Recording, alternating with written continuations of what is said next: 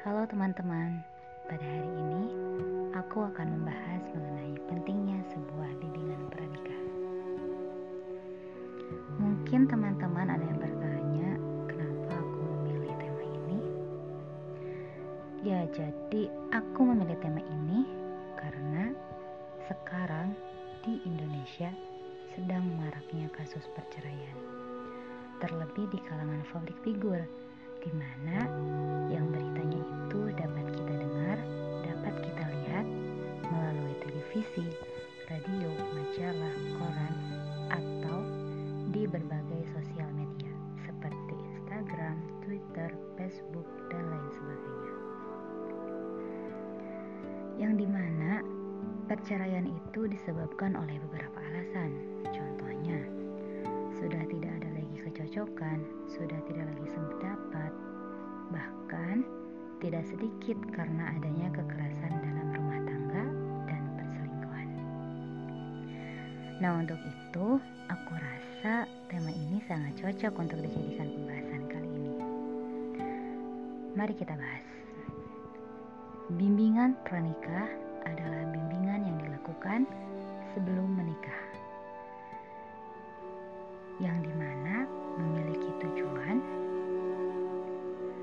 agar setiap calon pasangan suami istri yang akan menjalani pernikahan dapat mengerti hak dan kewajiban satu sama lain sebelum menjalankan rumah tangga untuk memahami tujuan dari pernikahan itu sendiri dan untuk mengantisipasi terjadinya pelanggaran dari peraturan yang sudah berlaku baik itu dalam perspektif agama maupun hukum Undang-Undang Dasar mengenai perkawinan.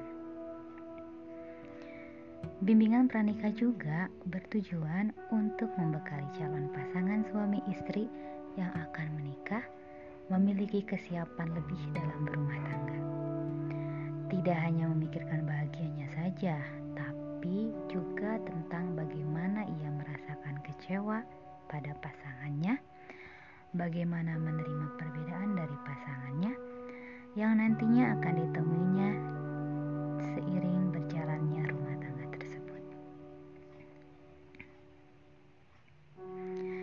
Yang pada akhirnya, bimbingan pranikah itu adalah untuk meminimalisir kasus perceraian, kekerasan dalam rumah tangga, perselingkuhan, dan lain sebagainya. Dengan mengadakan pembekalan pranikah ini bagi calon pengantin, diharapkan bisa mencegah hal tersebut dan lebih bisa siap lagi dalam mengarungi masalah-masalah yang akan ditemui ketika sudah menikah nanti. Hal lain yang diajarkan dalam bimbingan pranikah yakni tentang kesadaran diri dengan kebutuhan dan karakter diri sendiri, sadar kebutuhan dan karakter pasangan, mampu mengelola diri sendiri dan mengelola hubungan. Apalagi nih ya, banyak juga sekarang itu yang menikah di usia muda, yang di mana secara emosional mereka masih labil, mudah bertindak tanpa berpikir, sehingga jelas perlu pembekalan agar tidak salah dalam mengambil keputusan. Mungkin secara fisik mereka siap, tapi belum tentu jika dilihat secara psikisnya. Maka dari itu, perlulah bimbingan pranikah agar pasangan muda tersebut tidak mudah bercerai. Nah, perlu diketahui juga tujuan dari pernikahan itu untuk mewujudkan kehidupan rumah tangga yang sakinah, mawadah, dan rohmah. Pernikahan bukan saja merupakan satu jalan yang amat mulia untuk mengatur kehidupan rumah tangga dan keturunan, tetapi juga dapat dipandang sebagai salah satu jalan menuju pintu perkenalan antara suatu kaum dengan kaum lainnya, dan perkenalan itu akan menjadi jalan untuk menyampaikan pertolongan antara satu dengan yang. Pondasi rumah tangga yang harus kokoh ialah jalinan cinta kasih antara suami dan istri, kesadaran terhadap hak dan kewajiban, cara menyelesaikan konflik, serta metode pendidikan pengasuhan anak yang tepat. Hasil bimbingan pranikah akan terlihat jelas, yakni apabila materi yang disampaikan mampu diaplikasikan dan ditindaklanjuti oleh calon pengantin dalam kehidupannya dalam membangun rumah tangganya serta diamalkan kembali kepada lingkungan sekitar yang memerlukannya.